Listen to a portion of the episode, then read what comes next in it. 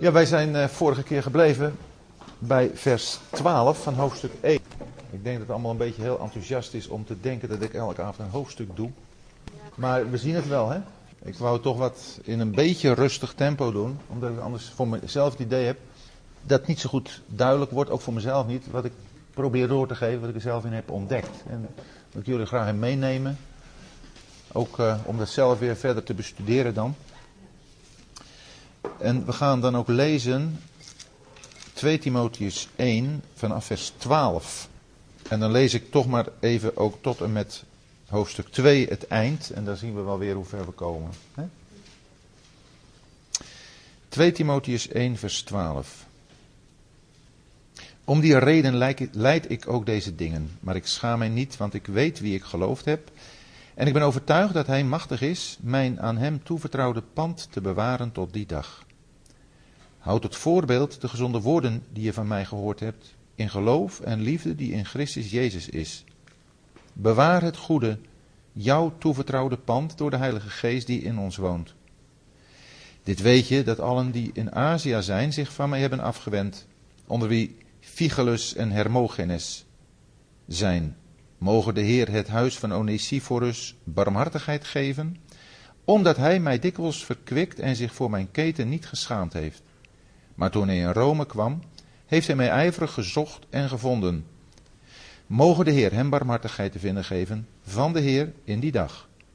En hoeveel diensten hij in Efeze bewezen heeft, weet jij zelf het best. Jij dan, mijn kind, sterk je in de genade die in Christus Jezus is. En wat je van mij gehoord hebt onder vele getuigen, vertrouw dat toe aan trouwe mensen die bekwaam zullen zijn ook anderen te leren. Leid mee verdrukking als een goed soldaat van Christus Jezus.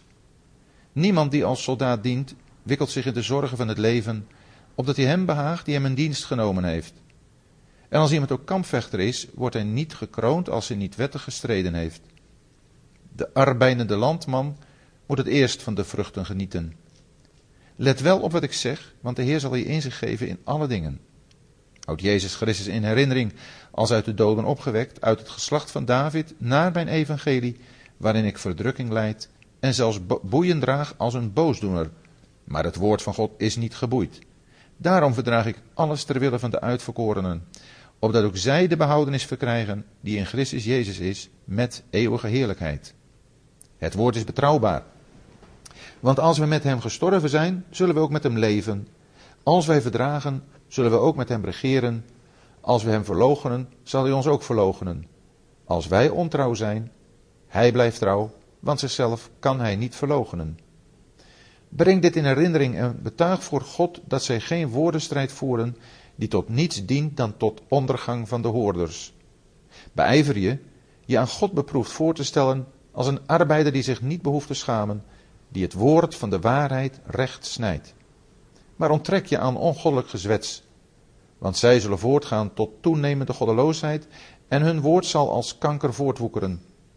Onder hen zijn Hymenaeus en Philetus, die van de waarheid zijn afgeweken, door te zeggen dat de opstanding al heeft plaatsgevonden en die het geloof van sommigen omverwerpen. Evenwel, het vaste fundament van God staat en heeft dit zegel. De Heer kent hen die de zijnen zijn en laat ieder die de naam van de Heer noemt zich onttrekken aan ongerechtigheid. In een groot huis nu zijn niet alleen gouden en zilveren vaten, maar ook houten en aarden. En sommige wel tot eer, maar andere tot oneer. Als een iemand zich van deze vaten reinigt, zal hij een vat zijn tot eer, geheiligd, bruikbaar voor de meester, tot alle goed werk toebereid. Maar ontvlucht de begeerte van de jeugd en jaag naar gerechtigheid, geloof, liefde en vrede met hen die de Heer aanroepen uit een rein hart. En verwerp de dwaze en ongerijmde twistvragen, daar je weet dat zij twisten verwekken een slaaf van de Heer moet echter niet twisten, maar vriendelijk zijn voor allen, geschikt om te leren, verdraagzaam, de tegenstanders met zachtmoedigheid terechtwijzend. Misschien geeft God hun bekering om de waarheid te erkennen en weer ontnuchterd te worden uit de strik van de duivel, door wie ze gevangen zijn, om zijn wil te doen. Ja goed, we hebben natuurlijk vorige keer dan een eh, begin gemaakt met deze hele praktische en ook persoonlijke brief. een eindtijdbrief, de laatste brief die Paulus geschreven heeft. Een brief die daarom ook voor ons ontzettend actueel is, omdat wij, ja, als Paulus al over een eindtijd kon spreken, wij natuurlijk helemaal in een eindtijd zitten. En het een brief is waarin het aankomt op de trouw van de enkeling. Het is een persoonlijke brief en daarom mogen wij ons allemaal aangesproken weten. Paulus die was volkomen overtuigd van wat hij had. Daar stond hij achter, daar leefde hij voor en daar getuigde hij van. En zegt hij in vers 12, om die reden leid ik ook deze dingen. Ik bedoel, hij, hij was zo overtuigd van zijn boodschap, van, ja, zijn boodschap, het is niet zozeer een boodschap, het is een persoon, want er staat verder, want ik weet niet wat ik geloofd heb, maar wie ik geloofd heb. Dat betekent dat het erom gaat dat je een hele persoonlijke, intieme, levende relatie met de Heer Jezus hebt. Als je die niet hebt, dan komt er gewoon helemaal niets van je getuigenis terecht. Want je kunt je getuigenis geven, niet geven langs de uh, lijn van regels en, en wetten en, en allerlei dingen die je zelf oplegt. Het komt vanuit je hart als je een relatie, een levende relatie met de Heer Jezus hebt. Nou, en, de, en Paulus die zegt, joh, ik weet wie ik geloofd heb. En daarom schaam ik me er ook helemaal niet voor. En ik denk dat, uh, hij heeft uh, eerder al gezegd tegen Timotheus, dat hij zich niet moest schamen. Schaam je dus niet, zegt vers 8, voor het getuigenis van onze Heer. Nee, dat kun je eigenlijk alleen maar zeggen als je jezelf natuurlijk ook niet schaamt. Hij schaamde zich in elk geval niet, Paulus. Ik weet wel dat ik een tijd gehad heb dat ik me best wel schaamde. Maar waarom eigenlijk? Ik bedoel, we zijn hier goed gezelschap. We hebben allemaal denk ik wel of, of, of situaties dat we ons schamen voor, voor de Heer. En dan, dan moeten we ons toch afvragen, maar waarom nou eigenlijk? Waarom schamen mensen zich in de wereld niet voor hun idolen? Ook al zijn het totaal andere idolen dan anderen hebben.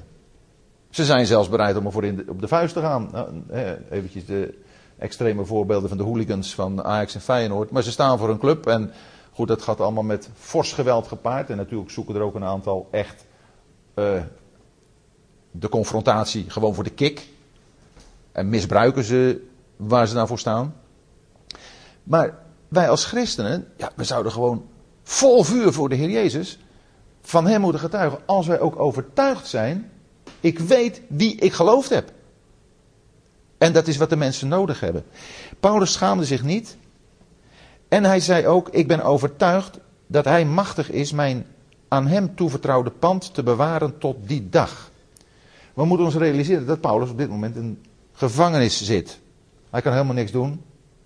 En zo lijkt het. Hoewel wij weten dat hij juist in de gevangenis drie brieven heeft geschreven die buitengewoon vol met heerlijke waarheden staan. De brief aan de Colossers, de brief aan de Efeziërs en de brief aan de Filippiërs. Ja, schitterende brieven. En God heeft dat gebruikt. Maar hij kon dus niet meer uitgaan om het evangelie te prediken. Maar hij zegt, ik heb mijn pand, dat, dat is wat je toevertrouwd is, dat heb ik gewoon als het ware in zijn handen gelegd. En ik ben overtuigd dat hij machtig is om dat te bewaren tot die dag. Ja, welke dag is dat? Dat is de dag van de openbaarwording van alle dingen. Want er komt een dag dat Christus alles zal openbaar maken. Ik vind dat ook zo'n geweldige uh, troost ook. Ook als je het, het onrecht in de wereld ziet. Er gebeurt zo ongelooflijk veel onrecht in de wereld. En het lijkt wel of dat het onrecht altijd maar ongestraft kan doorgaan. Ja, een enkele crimineel pakken ze is. Maar joh, er lopen er talloze rond. En, en ook als je denkt aan ja, mensen die massamoorden hebben gepleegd. En dan hoeven we niet zo ver terug in de geschiedenis. Maar als we denken aan een Stalin. Als we denken aan een Hitler. Als we denken aan een Saddam Hussein. Mensen die verschrikkelijke misdaden hebben gedaan. Nou, enkele zijn er berecht. Anderen hebben weer het hand aan hun eigen leven geslagen. Om te denken van nou ontlopen we onze straf. God zal al deze mensen. Maar ook de kruimeldief ook iemand die wel eens wat uit de portemonnee van zijn moeder gestolen heeft. Of een rol snoep uit een winkel gestolen heeft en dat nooit heeft beleden. God zal de doden, en dan staat er in de openbaring groot en klein, En dat betekent niet de grote mensen en de kleine mensen. Maar de grote zondaren, hè, waarvan we zeggen de criminelen. En de massamoordenaars. En de kleinen. Hè, de kruimeldieven, de mensen die, nou ja, ook eens iets een keer gedaan hebben. God zal ze allemaal met hun werken confronteren. Wij, als we de Heer Jezus kennen, mogen weten dat dat één aspect is van die dag. De dag dat de Heer Jezus alles openbaar maakt. Maar het andere aspect is dat Hij ons leven als gelovigen ook openbaar zal maken. En dan zullen we loon krijgen voor alles wat we voor Hem gedaan hebben. Machtig mooi. De rechterstoel van Christus heet dat. 2 Korintiërs 5, vers 10. Wij zullen allen geopenbaard moeten worden voor de rechterstoel van Christus. Of Romeinen 14, de rechterstoel van God. Daar komen we allemaal voor te staan. Gelovig en ongelovig. En dan zou het natuurlijk mooi zijn, als wanneer wij daar geopenbaard worden, als degene die beleiden hem te kennen, zou met Paulus kunnen zeggen, joh, alles wat, wat van mij door hem uh, is en aan mij is toevertrouwd, waar ik ook mee heb mogen werken, maar waar ik misschien op een bepaald moment niet meer mee verder kan, zoals Paulus hier, dat ligt allemaal in zijn hand, joh. Ook als er een moment komt dat hij ons wegneemt van dit aardstoneel, dan gaat zijn werk door. Zoals iemand eens zei, God begraaft wel zijn werkers, maar niet zijn werk. Dat werk gaat altijd door. En uh, nou, daar was Paulus ook van overtuigd. En hij zegt, houd tot voorbeeld, want hij bemoedigt Timotheus en hij stimuleert hem met zijn eigen voorbeeld, maar ook met de woorden die hij gesproken heeft. Houd tot voorbeeld de gezonde woorden die je van mij gehoord hebt in geloof en liefde die in Christus Jezus is. Jongelui, er is een voorbeeld van de gezonde woorden. En het zijn de woorden van God die we in zijn woord hebben. En nu zeg ik het al op een manier die je verkeerd zou kunnen uitleggen. Alsof we Gods woorden in zijn woord hebben. Waarbij de suggestie zich weg zou kunnen worden. Er zijn ook woorden in het woord van God die niet van God zijn. Maar elk woord in het woord van God is van God. Elk woord. We hebben niet, en, en dat is echt een uh, modernistische leugen. We hebben niet de boodschap van de Bijbel en van God in het woord. Alsof de bewoordingen er niet toe zouden doen. De verpakking doet er niet toe, het gaat om de inhoud. Nee, elk woord van God staat op de plaats waar God het wilde hebben. Gods woord is woordelijk, letterlijk geïnspireerd. En we hebben dat elk woord nodig. En daarom, en ik zal maar even heel voorzichtig zeggen, daarom is het heel belangrijk dat je ook een goede vertaling hebt van het woord van God. Maar vertalen is wel mensenwerk, maar dat je een vertaling hebt die doeltaalgericht, maar eerst ook brontaalgetrouw is. Een woord van waarschuwing over de NBV, de nieuwe Bijbelvertaling. Ik weet niet of uh, dat hier mag, maar ik doe het toch. Dat is een levensgevaarlijke vertaling als het gaat om de inspiratie van het woord van God. Ik weet dat er mensen hebben meegewerkt die niet eens in inspiratie geloven. Ik zeg niet dat je die niet kunt gebruiken, maar het gevaar is dat juist deze vertaling uh, pretendeert brontaal getrouw te zijn en doeltaalgericht. Nou, dat doeltaalgericht zou misschien wel goed zijn, maar dat brontaalgetrouw is er niet. Als je een boek hebt als het boek, die zegt tenminste, ik ben geen vertaling, ik ben een parafrase. Daar heb je dat gevaar niet. Je kunt dus best vertalingen naast elkaar leggen, maar voor je persoonlijke studie moet je, is het belangrijk, een hele bijbelgetrouwe vertaling te hebben. Dus adviseer ik de herziene statenvertaling.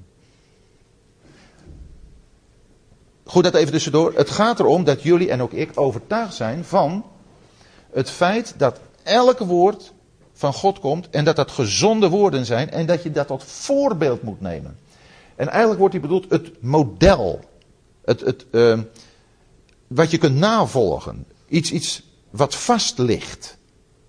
Nogmaals, dat is niet afhankelijk van onze manier van vertalen. Gods woord is vast. En, en daar moeten we van overtuigd zijn. Dat heeft Paulus doorgegeven en dat moeten wij ook doorgeven. We moeten Gods woord doorgeven.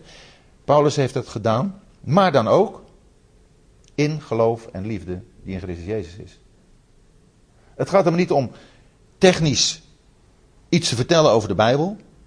Het gaat er ook om dat je kijkt naar de centrale inhoud van de Bijbel, dat is Christus. En hoe hij geleefd heeft. Geloof en liefde die in Christus Jezus is. Geloof betekent volkomen vertrouwen op God, zo heeft hij geleefd. En hij heeft de liefde van God ook totaal uitgeleefd. Dan ben je dus niet veroordelend bezig, maar dan ben je bezig vanuit het totale vertrouwen in God. Nou, dat betekent dat je zijn woord neemt zoals hij het gegeven heeft. Als je iemand vertrouwt, vertrouw je hem juist op zijn woord. Nou, straks zullen we zien dat er mensen zijn die dat ondermijnen. Die met dwaalleer komen. We hebben een, uh, en Philetus hebben van gelezen. Daar komen we nog over te spreken. maar dit zijn dus hele belangrijke dingen. Dat je je daarop richt in een tijd waarin ieder zijn eigen mening mag hebben. Ieder zijn eigen uh, beleving mag hebben. En ik zeg niet dat je geen eigen mening en geen eigen beleving mag hebben. Maar dat dat norm wordt. Alsof er geen vaste norm meer is buiten ons. En die hebben we in het woord. En we lezen allemaal de Bijbel. En daar mogen we over praten met elkaar. Maar het is belangrijk dat ik die, dat, dat geloof en die liefde in Christus heb. En dat anderen dat proeven, maar dat geldt voor jullie ook. Dat als je erover praat en dat wilt delen, dat je die overtuiging hebt vanuit die persoonlijke relatie. Dat je die volkomen overtuiging hebt van dit is het woord van God. En dan nog, en dat is zo heel mooi, in vers 14, bewaar het goede, jouw toevertrouwde pand door de Heilige Geest die in ons woont. We hebben ook nog de Heilige Geest. Dus het is machtig mooi als een bemoediging voor ons allemaal dat wij in Paulus een voorbeeld hebben van iemand die leefde vanuit die persoonlijke relatie met God, met de Heer Jezus. Kunnen we navolgen?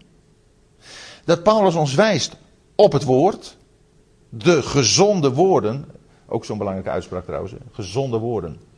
Want woorden, daar kun je iemand mee maken en breken. Wij kunnen iemand kraken of bemoedigen. En de Bijbel heeft altijd gezonde woorden. Dat zijn gezondmakende woorden. Als je die woorden spreekt, dan heeft dat een gezondmakende uitwerking. Wij, kunnen, wij zijn in staat om met de Bijbel natuurlijk mensen om de oren te slaan. En, en zoals het ook in het volgende stuk staat, gaan uh, redetwisten en dat is dan tot verderf van de hoorders. Wat de bedoeling is dat we weten, dit zijn gezondmakende woorden. Dat betekent dus dat ook als je situaties ziet waarin iemand tegen het woord van God handelt en je confronteert hem met het woord, dat je in wezen bezig bent zo iemand gezond, gezondheid toe te wensen. En net zoals een dokter die constateert dat er iets verkeerd is en die geeft je een medicijn. Dat is misschien soms een zelfs pijnlijk medicijn of een chirurg die een ingreep moet doen. Dat is pijnlijk, maar het is om je gezond te maken. En zo kan het woord van God ook zijn. Maar je kunt het ook doen om te voorkomen. En je gaat fruit eten, een appel die gezond is. En jij bent gezond, dat houdt je gezond. Dus het, lezen van de Bijbel houdt je ook gezond. Het maakt gezond. En dat is de overtuiging die we mogen hebben. En dat is dan ook dat wij, wij hebben ook een pand gekregen, zoals Timotheus. En een pand is een, uh, ja, een bepaalde verantwoordelijkheid om voor de Heer iets te doen. We hebben allemaal iets, iets van de Heer gekregen. We zijn allemaal uniek. We hebben allemaal een functie, een taak. En die mogen we bewaren, moeten we bewaren. Bewaar het jouw goede, dat is een goed pand hè. Het goede jouw toevertrouwde pand. Door de Heilige Geest die in ons woont. En dat is een mooi aspect weer, dat de Heilige Geest is niet iets wat iemand voor zich persoonlijk claimt. Maar de Heilige Geest, zegt Paulus, woont in ons. Die hebben we met al Gods kinderen gemeenschappelijk. Ieder kind van God bezit de Heilige Geest. En daarom kun je met de, de wildst vreemde mensen Uh, als je daar een paar woorden mee wisselt. En je merkt, die heeft de Heer Jezus lief. Heb je direct contact. Ben een aantal jaren geleden in Nieuw-Zeeland, voor het eerst in Nieuw-Zeeland geweest. En ik werd er opgewacht door, op het vliegveld in Auckland door iemand die nog nooit had gezien. Goed, we wisten natuurlijk van zijn komst. Maar binnen een paar woorden heb je gewoon die, die voel je, ervaar je die verbinding. Dat, dat, die gemeenschap, dat, dat leven. Dat is door de Heilige Geest die in ons woont. Nou, en dat zegt Paulus hier tegen Timotheus. Die Heilige Geest die in ons woont, bewaar in die kracht, de kracht van de Heilige Geest, dat wat je gekregen hebt. En zegt hij ook, Timotheus, jij weet toch dat eh, allen in Azië zich van mij hebben afgewend. Onder wie, en dan noemt hij twee namen. Ja, ik denk dat dat misschien toch wel belangrijke personen waren voor Paulus, die daar in Azië in die gemeenten geweest zijn en misschien eerst wel ondersteund en bemoedigd hebben en geholpen hebben. Maar ze hebben zich allemaal van hem afgewend. Er staat niet dat ze zich van het evangelie hebben afgewend. Er staat niet dat ze zich van het kruis hebben afgewend. Ze hebben zich, zegt Paulus, van mij afgewend. Paulus, die moet je goed voorstellen, die zit er in de gevangenis. Waarom? Ja, gewoon vanwege zijn radicale getuigenis. En als je radicaal bent, dan zul je het meemaken dat christenen tegen je zeggen, joh, ja, zo, zo hoeft het toch eigenlijk ook niet. Je hoeft toch niet zo radicaal te zijn. Paulus, eh, moet luisteren, joh, ja, dat, dat je nou in de gevangenis zit, heb je dat nou ook niet een klein beetje aan jezelf te danken? Had je nou zo duidelijk moeten zijn dat je tenslotte in de gevangenis komt? Had je niet een beetje water bij de wijn kunnen doen, jongen? Gewoon iets minder radicaal. En ze hebben zich van hem afgewend. Ze hebben gezegd, nou, het, christen zijn kan ook wel wat gemakkelijker. Paulus noemt in, in Philippians 3 mensen die vijanden van Christus zijn. Nee. Nee, zei hij niet. Vijanden van het kruis van Christus. Ja? Groot verschil. Ze zijn niet vijanden van Christus, maar ze zijn vijanden van het kruis van Christus. En het, de vijand van het kruis van Christus betekent, ja, Christus oké, maar de smaad die het met zich meebrengt. Want het kruis is een teken van verwerping, verachting. En durven wij nog het kruis van Christus te prediken, niet alleen, maar ook in ons leven te tonen. Dat wij de plaats van verachting, van verwerping met hem delen. Nou, en hier in, in deze situatie, Paulus is in Azië geweest. Heeft hij geweldig gepredikt. Heeft hij enorm veel resultaat op zijn prediking gehad. En later komt daar gewoon wat, dat, uh, ja, onverschillige is misschien wat te sterk gezegd. Maar toch wat dat, nou ja, het kan toch ook wel wat minder. En ik weet niet of jullie dat ook al een beetje uit je eigen leven kennen. Dat in het begin, als je de Heer pas kent, dan ben je vol vuur. En dan kan de beste periode komen, dan ebt dat gewoon wat weg. Dan, dan komen er toch weer de invloeden van de wereld, het leuke van het leven, het aangename van ja, toch wel een aantal luxe dingen. En, en, en dan voel je, tenminste dat heb ik ook wel gehad, dat het niet meer die geweldige uh, invloed op je heeft. Dat, dat, dat je er helemaal door gepakt bent. En dat je er vol voor gaat. En dan zak je wat weg. Nou, dat is met deze mensen hier geweest. Ook met deze twee. En hij zegt tegen Timotheus, joh, je weet dat, joh, dat, dat iedereen zich van mij heeft afgewend. Dus hij benadrukt eigenlijk, joh, je bent toch een beetje alleen hoor. Je hoeft niet te rekenen op ongelooflijk veel steun. De mensen die ga je geen schouderklopjes geven. En je niet stimuleren, die zullen misschien een beetje meewaardig aankijken. Luister, het gaat hier niet om de mensen van de wereld. Het gaat hier om mensen die beleiden tot de gemeente te behoren. Daar hoorden dus ook deze twee, laat ik maar even noemen, voorgangers bij. En dat, die noemt hij dus bij naam. Hij zegt dat, uh, dat weet je, die, die zijn daar ook bij. Luister daar niet naar. Maar dan gaat hij ook nog een positief voorbeeld geven van um, het huis van Onesiphorus. En, en hij wenst daarvoor van de Heer dat, zij, dat hij ook barmhartigheid daarvoor krijgt. Omdat hij mij dikwijls verkwikt en zich voor mijn keten niet geschaamd heeft. Hier, hier vind je iemand die het uh, ja, ook een uitzondering was op dat geheel van allen die in Azië zijn. Hij heeft zich voor mijn keten niet geschaamd, maar toen hij in Rome kwam, heeft hij mij ijverig gezocht en gevonden. Hey. Paulus zit er in de gevangenis. Ja, en moet luisteren, dat ging toen niet zo dat je even de tom-tom had intoetsen waar het adres is en dat je er naartoe geleid wordt. Hier staat, maar ijverig gezocht en gevonden. Wat heeft die man moeten doen, die Onesiphorus? Bidden. Heer, wilt u mij daar maar brengen? En eh, ik heb niks tegen Tom Tom, ik gebruik hem zelf ook. Maar het maakt ons steeds onafhankelijker van de Heer. En natuurlijk was er vroeger natuurlijk een kaart, hè, dan, dan kon je daar de route een beetje op bekijken. Waar het om gaat is dat hier een Paulus dus ergens in Rome, en er ook natuurlijk verstopt in de gevangenis, door deze man Onesiphorus bezocht wordt. Maar dat hij hem eerst gezocht heeft. Hij moest hem zoeken. Want hij wist niet waar hij was. Nou, en dat zijn ook ervaringen, denk ik, die voor ons toch weggelegd zijn. Om iemand op te zoeken, en nu pas ik het even geestelijk toe, die we misschien niet zo goed kunnen bereiken. Die, die een beetje ver van ons vandaan is. Maar dat we de Heer bidden, Heer geeft u een mogelijkheid om hem of haar te bereiken. Om, om het hart te bereiken. Om iemand te bemoedigen. Want denk erom dat Paulus, ja die zit dus in die gevangenis. En ineens ziet hij daar het gezicht van Onesiphorus verschijnen, zeg. Ja, dat moet een geweldige belevenis geweest zijn. Ja, ik, ik weet niet of jullie wel eens gewoon eenzaam gevoeld hebben. En dan komt er ineens iemand even op bezoek. Dat is toch weldadig? En als je ook nog weet dat iemand daar veel moeite voor gedaan heeft. Dat hij ermee bezig geweest is om jou op te zoeken. Nou, dat doet goed. En ik denk dat jullie je ook best mogen afvragen van, is er misschien iemand die ik eens zou kunnen opzoeken? Die misschien ook wat erg eenzaam is?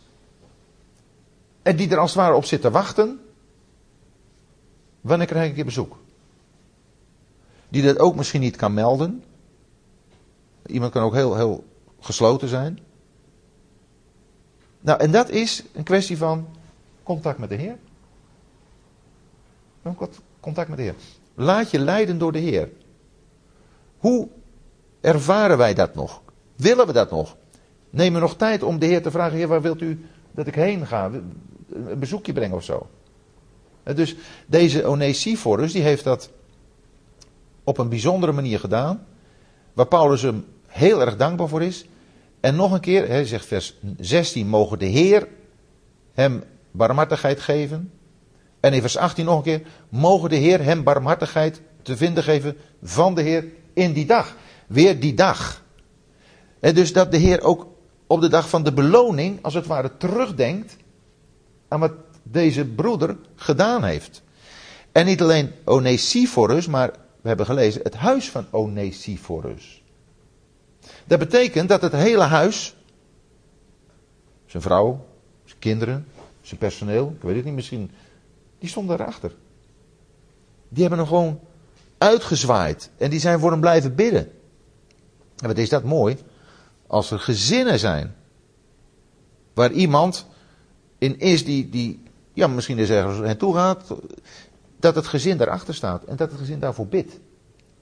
En misschien kun je het ook wat ruimer toepassen dat de gemeente, een plaatselijke gemeente, als er eens iemand weggaat, dat, dat de plaatselijke gemeente daarachter staat. Dat ze daarvoor bidden. Hem helpen en ondersteunen in die zoektocht. In dat wat iemand doet. dus dat zijn denk ik gewoon hele praktische, maar ook belangrijke lessen die je hieruit kunt halen. En zegt Paulus tegen Timotheus, en hoeveel diensten hij in Efeze heeft bewezen, dat weet jij zelf het best. Timotheus kende deze, jongen, deze, deze broeder. Hij, hij wist wie dat was. Dus het was voor hem niet vreemd. En dat betekent dat waar allen in Azië, zegt hij tegen Timotheus, dat weet je, die hebben me verlaten. Dan is er toch iemand die mij niet verlaten heeft, maar die het met me eens is, die naast me staat, En, en Timotheus, jij weet wie hij is. Jij kent hem. Jij weet hoe hij daar in Efeze zich gedragen heeft. Wat hij voor de gelovigen gedaan heeft. En ik hoop dat jullie daar ook oog voor hebben. Voor, voor mensen die bezig zijn voor de Heer. Dat je ook, uh, zoals Timotheus dan deze Onesiphorus heeft gekend en, en gadegeslagen en respecteert om wat hij gedaan heeft, dat jullie ook van die, van die mensen kennen waar jullie het ook van zouden kunnen zeggen. Of hè, dat, dat er jullie gezegd kan worden, jullie weten toch hè, wie hij of zij is, wat, wat hij voor de Heer doet. En dat is dan weer een bemoediging. En daar mag je elkaar mee bemoedigen. We hebben het nodig om elkaar te bemoedigen met goede voorbeelden. Met voorbeelden van mensen die toegewijd leven. Dat helpt. Dat helpt Timotheus en dat helpt ook ons. En gelukkig, ze zijn er nog. In hoofdstuk 2 begint Paulus met: Jij dan, mijn kind, sterk je in de genade. Hij zegt: Als alle zich dan van mij afgewend hebben in, in Azië, allemaal in de steek gelaten hebben, en je bent dan alleen, Timotheus, sterk je in de genade. En dat is wat jullie ook, wat ik ook, wat wij kunnen doen. We kunnen ons sterken in de genade. Wij hebben in ons helemaal geen kracht om tegen die stortvloed, die overstromende geestel van uh, onverschilligheid, op zijn zachtst gezegd, om ons daartegen te verweren. We hebben het nodig om ons te sterken, niet in onze eigen kracht, niet te gaan steunen op ons eigen intellect, niet op onze eigen inspanning, maar in de genade. Want ik voel, en ik denk jullie ook, als je met de Heer wil leven, dat we genade nodig hebben. Als je niet vanaf, van genade afhankelijk bent, dan kan het zomaar gebeuren dat als je de Heer wil dienen en hem volgen, dat je je een beetje superieur gaat voelen aan anderen. Een beetje gaat neerkijken op degene die niet zo vol van vuur voor de Heer zijn. Genade, als je je daarin sterkt, besef je, maar luister, ik ben geen spetter beter, helemaal niks. Als die genade er niet is om mij te bewaren en te leiden, dan kom ik om. Of in mijn hoogmoed, of ik duikel zo ontzettend naar beneden, dat er ook niks van overblijft. Nou, dus dit sterke in de genade betekent dat je je realiseert, ik kan alleen maar door genade mijn christelijke leven leven op een manier die God welgevallig is en van waar een zegen uitgaat om mij heen. En ik zou u willen adviseren om gewoon eens een, een studie te maken van, van het woord genade. De Heer Jezus, door Hem, zegt Johannes 1, hebben wij alle ontvangen en wel genade op genade. En 1 Petrus 5, daar staat dat God is de God van alle genade. En vind ik een prachtig woord, omdat dat aangeeft dat voor elk van ons er de specifieke, de speciale genade is die je nodig hebt. In jouw omstandigheden. Wij hebben genade nodig, niet om op de brandstapel te sterven. Dat, dat wordt van ons niet gevraagd. Wij hebben genade nodig om in een leven van luxe en welvaart ons daar niet door te laten inpakken, maar ons op de Heer Jezus te concentreren. Daar hebben we genade voor nodig. Eh, daarom is het zo nodig dat we ons daarin sterken. De genade die in Christus Jezus is. En dan komt er in vers 2 van 2 Timotheus 2 een belangrijke opdracht. En dat is het doorgeven van de waarheid van God. En daar zie je een volgorde in. De waarheid van God wordt doorgegeven. Niet op theologische hogescholen. Niet door intellectuele overdracht.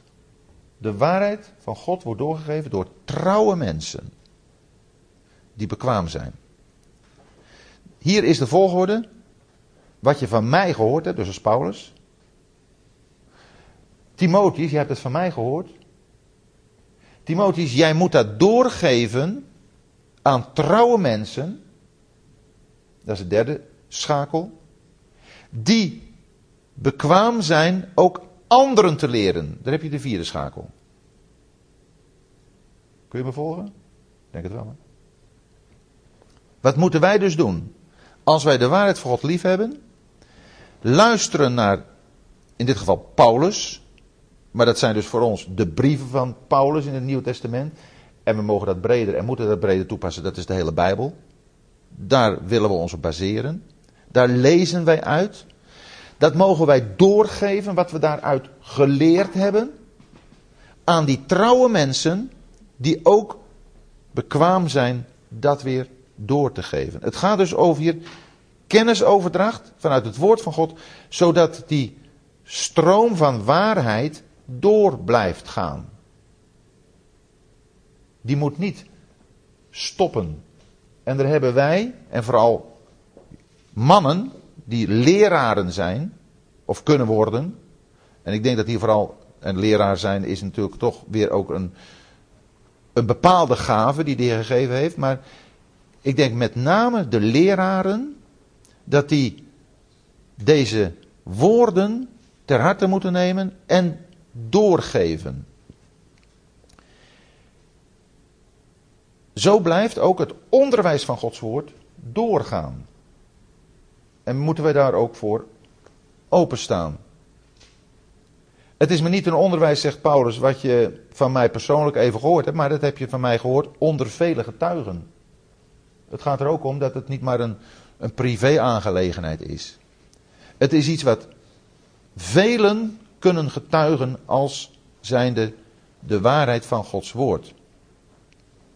En dan komen er drie voorbeelden van de manier waarop ons leven, als we dat met de Heer willen leven, aan ons voorgesteld wordt.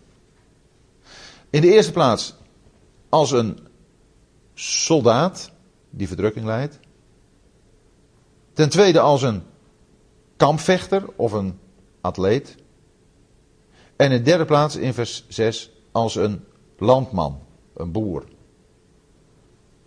Deze drie aspecten zijn voor elk van ons van het grootste belang als het gaat om het uitleven van ons christelijke leven. Paulus zegt dus in de eerste plaats: leid mee verdrukking als een goed soldaat van Christus Jezus.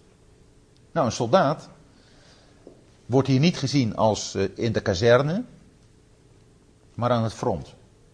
Leid mee verdrukking. Ja, jullie weten natuurlijk helemaal niks meer van militaire dienst. Ik nog wel, ik ben in militaire dienst geweest. De uitdrukking zegt jullie misschien nogal wat, wat militaire dienst is? Ja? Oh.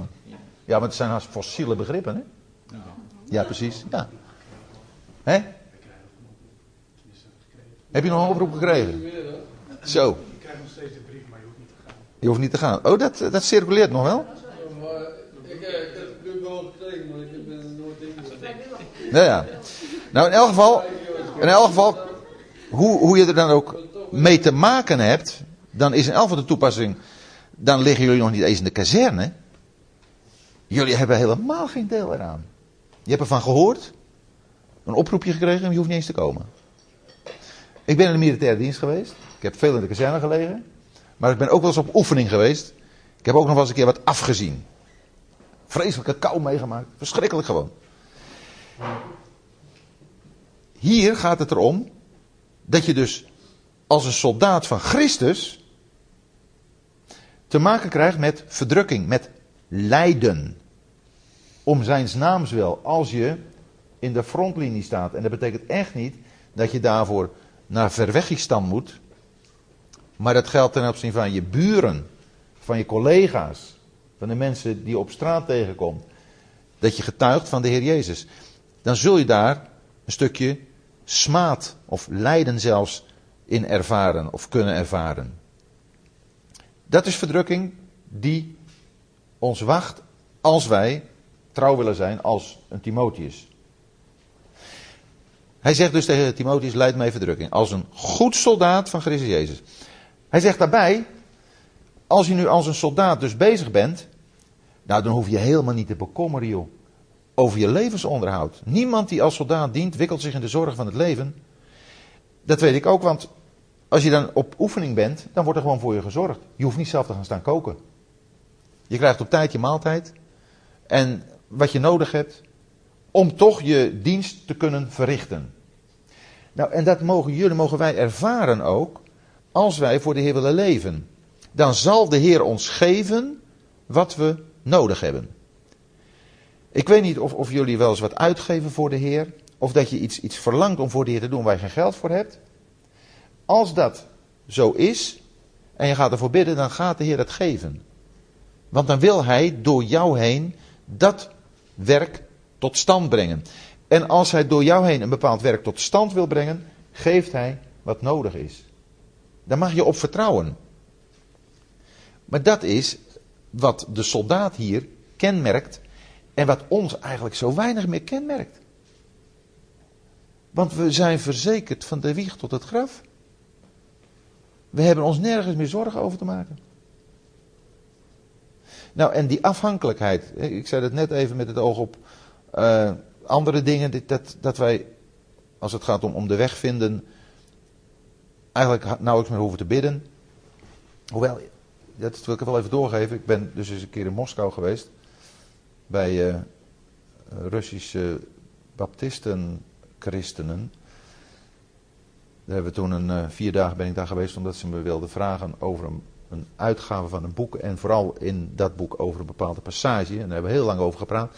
Maar elke keer als we weggingen, in de hal, voordat we de deur stapten, ging die bidden voor de goede reis. Elke keer. En het was normaal daar. Voordat ze weggingen, bidden voor de goede reis. Pet even af, maar de jassen aan en, en klaar om de deur uit te gaan. Maar stevast werd er eerst gebeden. En ik denk, ja, dat moet ik ook gewoon vasthouden. Dat als je ergens heen gaat, is bidden. En, en dat is met je hele dienst voor de Heer, mag dat zo zijn. Dat je Hem kunt behagen, die jou in dienst genomen heeft.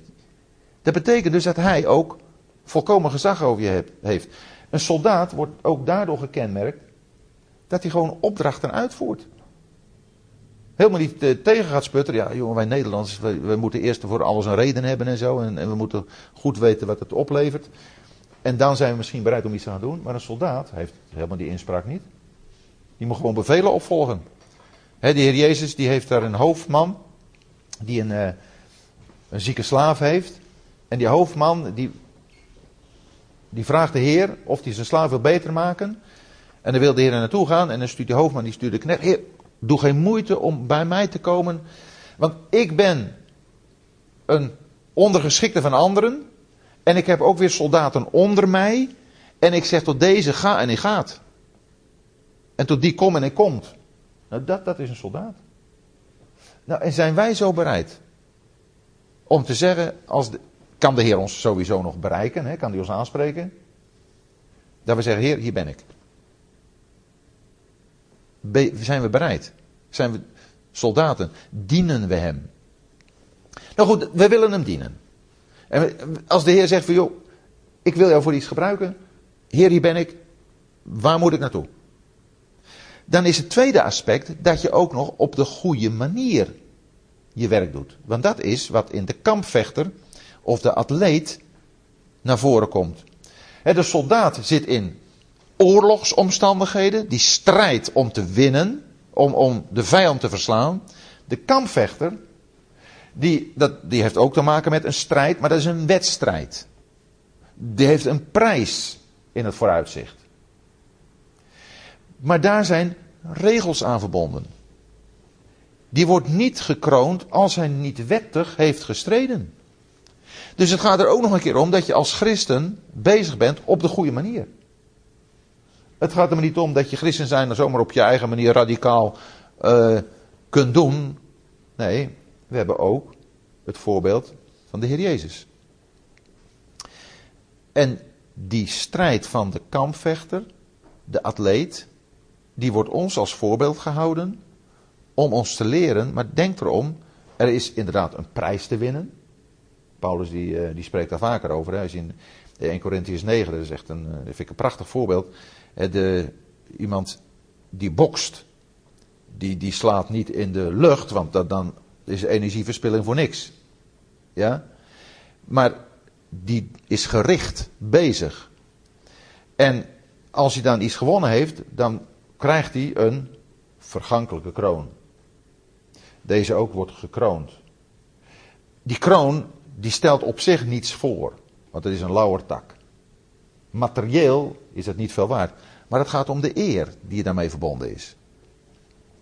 Daar mogen wij ons voor inzetten, om door de Heer Jezus geëerd te worden, om van Hem te horen, wel gedaan, goede en trouwe slaaf. Dat, dat, dat is een lauwe krans, maar dat is natuurlijk van zo'n grote betekenis voor ons. Maar die krijgen we pas als we wettig hebben gestreden.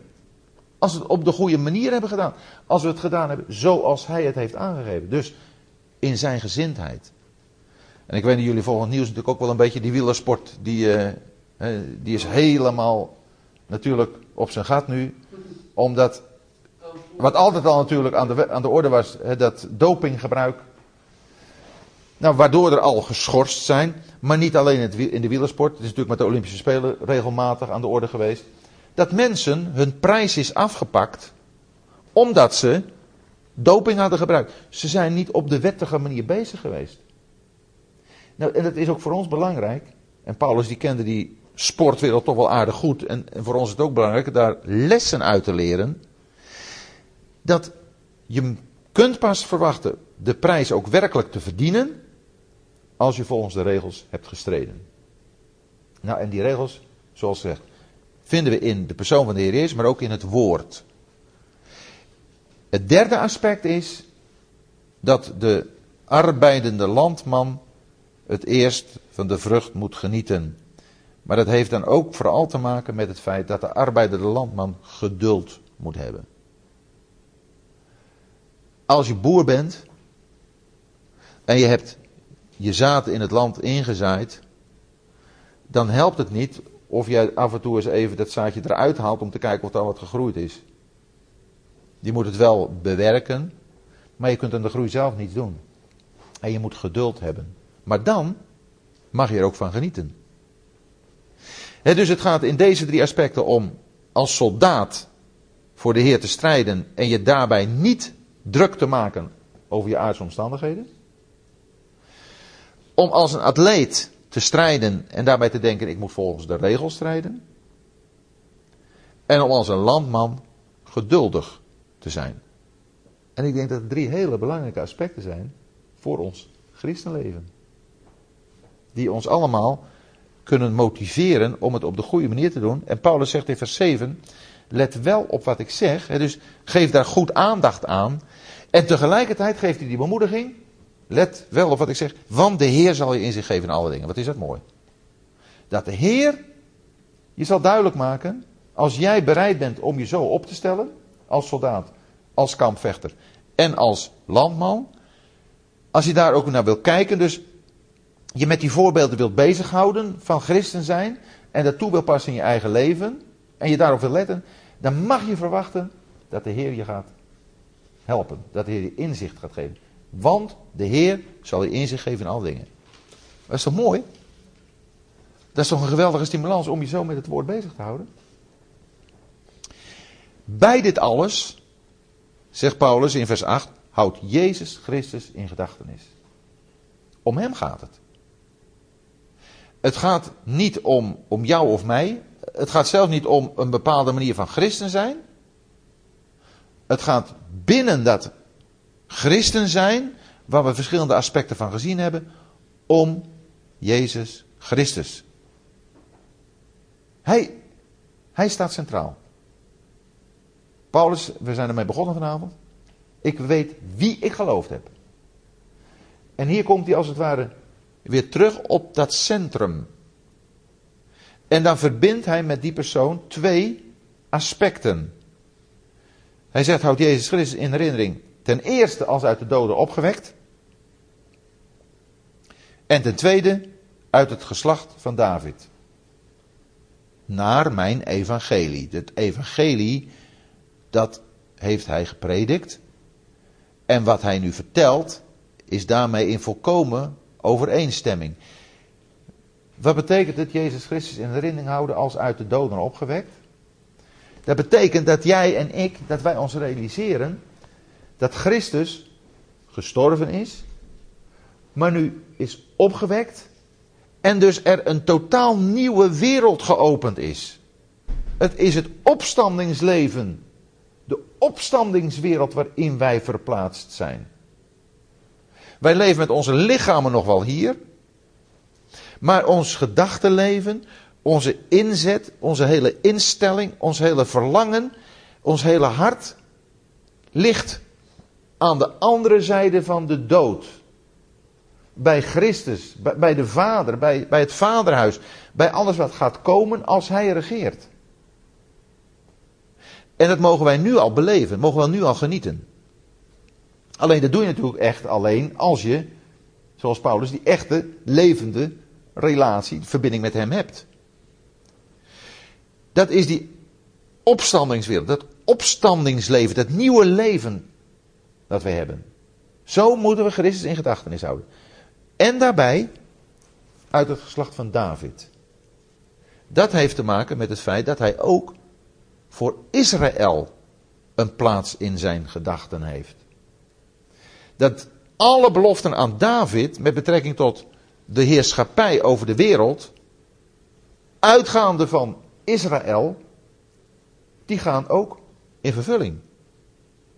Want de Heer Jezus zal niet alleen maar wereldwijd heersen. En, en niet alleen maar dat wij die, die tot de gemeente mogen behoren. En, in, en nu al met die verheerlijkte Heer verbonden zijn. En nu al mogen weten wat we in Hem hebben gekregen. Aan geestelijke zegeningen. En dat we in het vaderhuis zullen zijn. Maar we mogen er ook aan denken. Dat Israël een koning, een messias zal hebben die voortkomt uit het geslacht van David, de ware zoon van David, de echte, de grote zoon van David, die in Jeruzalem zal heersen en van waaruit er zegen zal gaan over de hele aarde. De gemeente is hemels, Israël is aards. Maar beiden zijn verbonden met die ene persoon. Alle zegen voor de gemeente is in hem verenigd. Vloeit uit hem voort voor ons. En wat Israël betreft is dat precies zo. Het bijzondere is dat wij ook nog een keer met hem verbonden zijn als een bruid met een bruidegom. Dat is een verhouding van liefde. Nog sterker als een hoofd met een lichaam. Een totale eenheid. Dus als hij hier zal regeren, regeren wij met hem. Dat is verbonden aan deze persoon in zijn opgewekt zijn uit de doden en dat hij is uit het geslacht van David. Naar mijn evangelie. En hij zegt, daarvoor leid ik verdrukking en draag ik boeien als een boosdoener. Dat, dat, ja, dat had zijn hele hart, dat had zijn leven.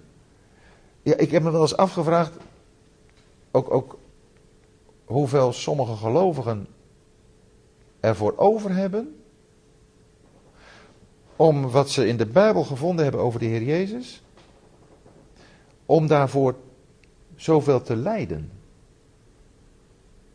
Dan moet je toch een overtuiging hebben dat dat, dat, dat waar is. Anders laat je toch niet met je sollen, als je ga je toch niet je leven in de waagschaal stellen, anders ga je toch niet je vrijheid in de waagschaal stellen. Dat, als je dat blijft prediken, dat ze je dan kunnen gevangen zetten op zijn minst voor ja, 10, 15 jaar. Ja?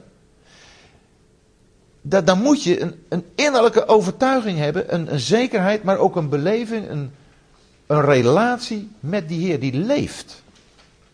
En Paulus had het erover over.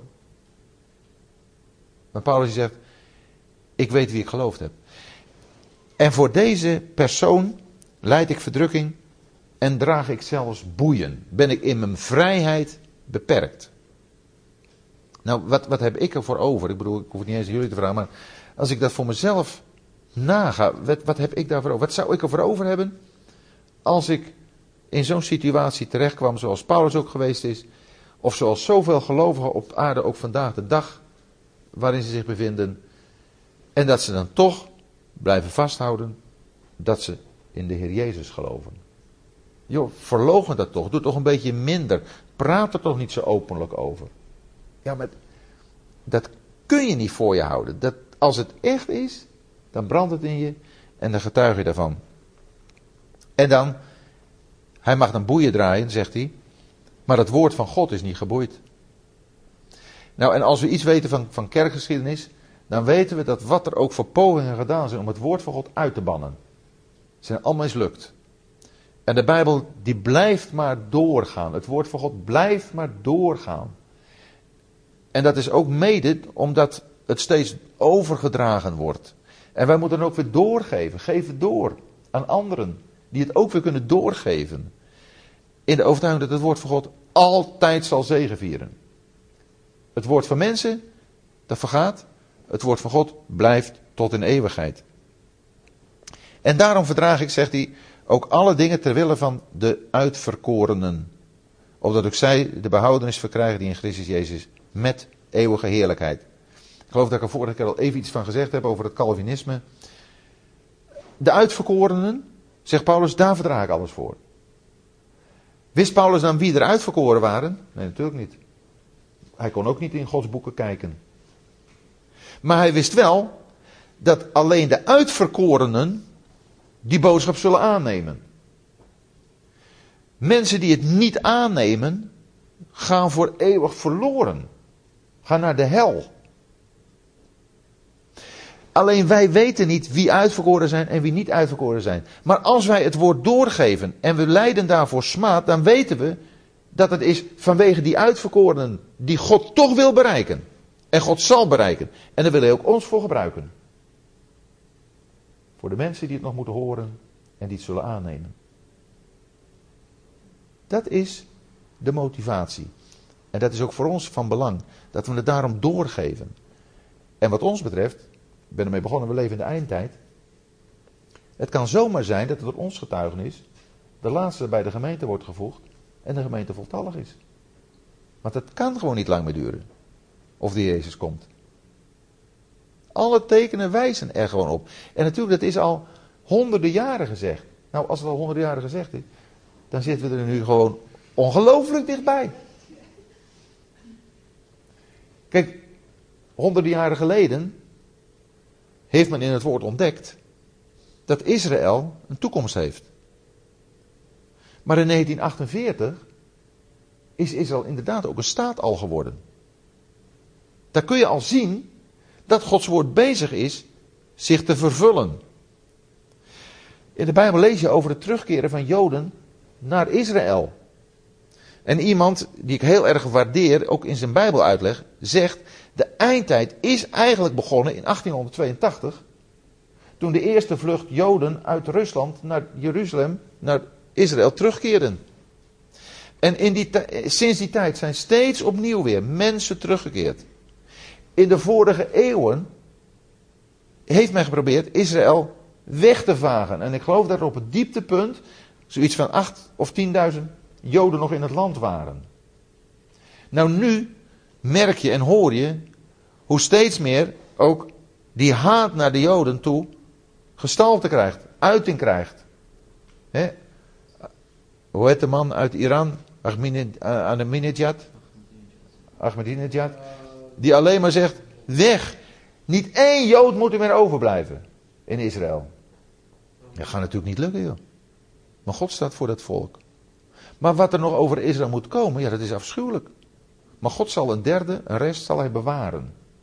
Maar dat is dan als de gemeente is opgenomen. Nou, ik bedoel maar te zeggen, dat gaat gebeuren als de gemeente is opgenomen. Maar we zien hoe alles daar naar naartoe gaat. Dus voor die tijd moet de gemeente worden opgenomen. Ja, dat kan gewoon niet lang meer duren. Maar Gods, God bepaalt de tijd. En het is, en dat is 2 Petrus 3, zijn langmoedigheid, omdat hij niet wil dat enige verloren gaan, dat die dag nog niet gekomen is. Nou, en wij kunnen die dag verhaasten door toegewijd te leven. 2 Petrus 3. En Paulus zegt, ik verdraag dit allemaal voor de uitverkorenen, opdat ook zij de behoudenis verkrijgen die in Christus Jezus met eeuwige heerlijkheid. Het gaat om die eeuwige heerlijkheid. Daar gaat ook zij naartoe. En het woord is betrouwbaar. Het woord is zo betrouwbaar. Zijn we daarvan overtuigd? Als we overtuigd zijn, lezen we het, eten we het, nemen we het tot ons en vertrouwen we erop. Want als wij met hem gestorven zijn, dan zullen we ook met hem leven. We hebben ons leven aan hem gegeven, aan hem uitgeleverd. We zijn gestorven en zullen met hem leven. Dat is de toekomst. Als we verdragen, zullen we ook met hem regeren. Dat betekent dat we nu nog niet regeren. Politiek is niet voor de christen, hoeft hij zich niet mee te bemoeien. Regeren komt nog. Wij verdragen en we zullen dan regeren. Wij hoeven en kunnen de zaken nu niet hier op orde zetten. En dat vraagt de Heer Jezus ook niet. De Heer Jezus heeft gezegd: Mijn koninkrijk is nu niet van hier. Als mijn koninkrijk van hier was, zouden de mijnen voor mij gestreden hebben. Maar nu is mijn koninkrijk niet van hier. Regeringsverantwoordelijkheid nemen en uitoefenen. En we moeten ervoor bidden hoor, dat de Heer ze allemaal gebruikt. Maar regeringsverantwoordelijkheid uitoefenen betekent heersen. En heersen is niet smaadlijden. Heersen is niet bij de verachte Jezus horen. Verworpen zijn. Die plaats van verwerping ook werkelijk innemen. Regeren komt nog. We zullen, als we met hem verdragen, ook met hem regeren. Als we hem verloochenen, zal hij ons ook verloochenen. Dus als we niet voor hem uitkomen, dan zal hij ons ook moeten verloochenen. Als wij ontrouw zijn, en daar gaan we mee besluiten, maar dat is zo machtig mooi. Als wij ontrouw zijn, hij blijft trouw. Dan staat er niet, dan wordt hij ook ontrouw, maar hij blijft trouw. Maar wat voor soort trouw is dat? Die trouw is dat hij ons dan tegenkomt. En terugbrengt op de weg van trouw aan hem. Hij laat ons niet los. Hij laat ons niet gaan. Want zichzelf kan hij niet verloochenen. Als wij van hem zijn en wij worden ontrouw, dan brengt hij ons terug. Dan zegt hij, joh, dit is niet de goede weg die je gaat. En als je de geschiedenis van Israël leest, hoe vaak dat volk ontrouw geweest is. En hoe hij in zijn trouw altijd maar weer geprobeerd heeft om dat volk terug te brengen tot hem. En uiteindelijk heeft hij in zijn trouw dat volk zelfs uit het land moeten verwijderen. Maar hij blijft trouw aan zijn woord. Want alles wat hij gezegd heeft, gaat hij vervullen. Dat is een machtige Heer. Een geweldige trouwe God. Nou en jongelui, daar gaan we mee besluiten. Want ik zie dat het al uh, kwart voor tien is. Maar dan die geweldige trouwe God. Daar mogen wij ons aan toevertrouwen. En, en ik hoop, en voor mezelf, die, dan stimuleert mij ook weer. Om vol voor hem te gaan. Ook al zeggen anderen van jongens, maar luister joh, dat kan wel een beetje minder. En, nou, laat iedereen maar, maar een tandje afdoen. Wij willen, ik wil een tandje bijzetten. Want de tijd is kort. Het werk is, is veel. En de Heer Jezus komt spoedig. Ja, wat moeten we nog meer? Ik weet wie ik geloofd heb. En als jullie dat ook zeggen, ik weet wie ik geloofd heb, ga je vol voor hem. Amen.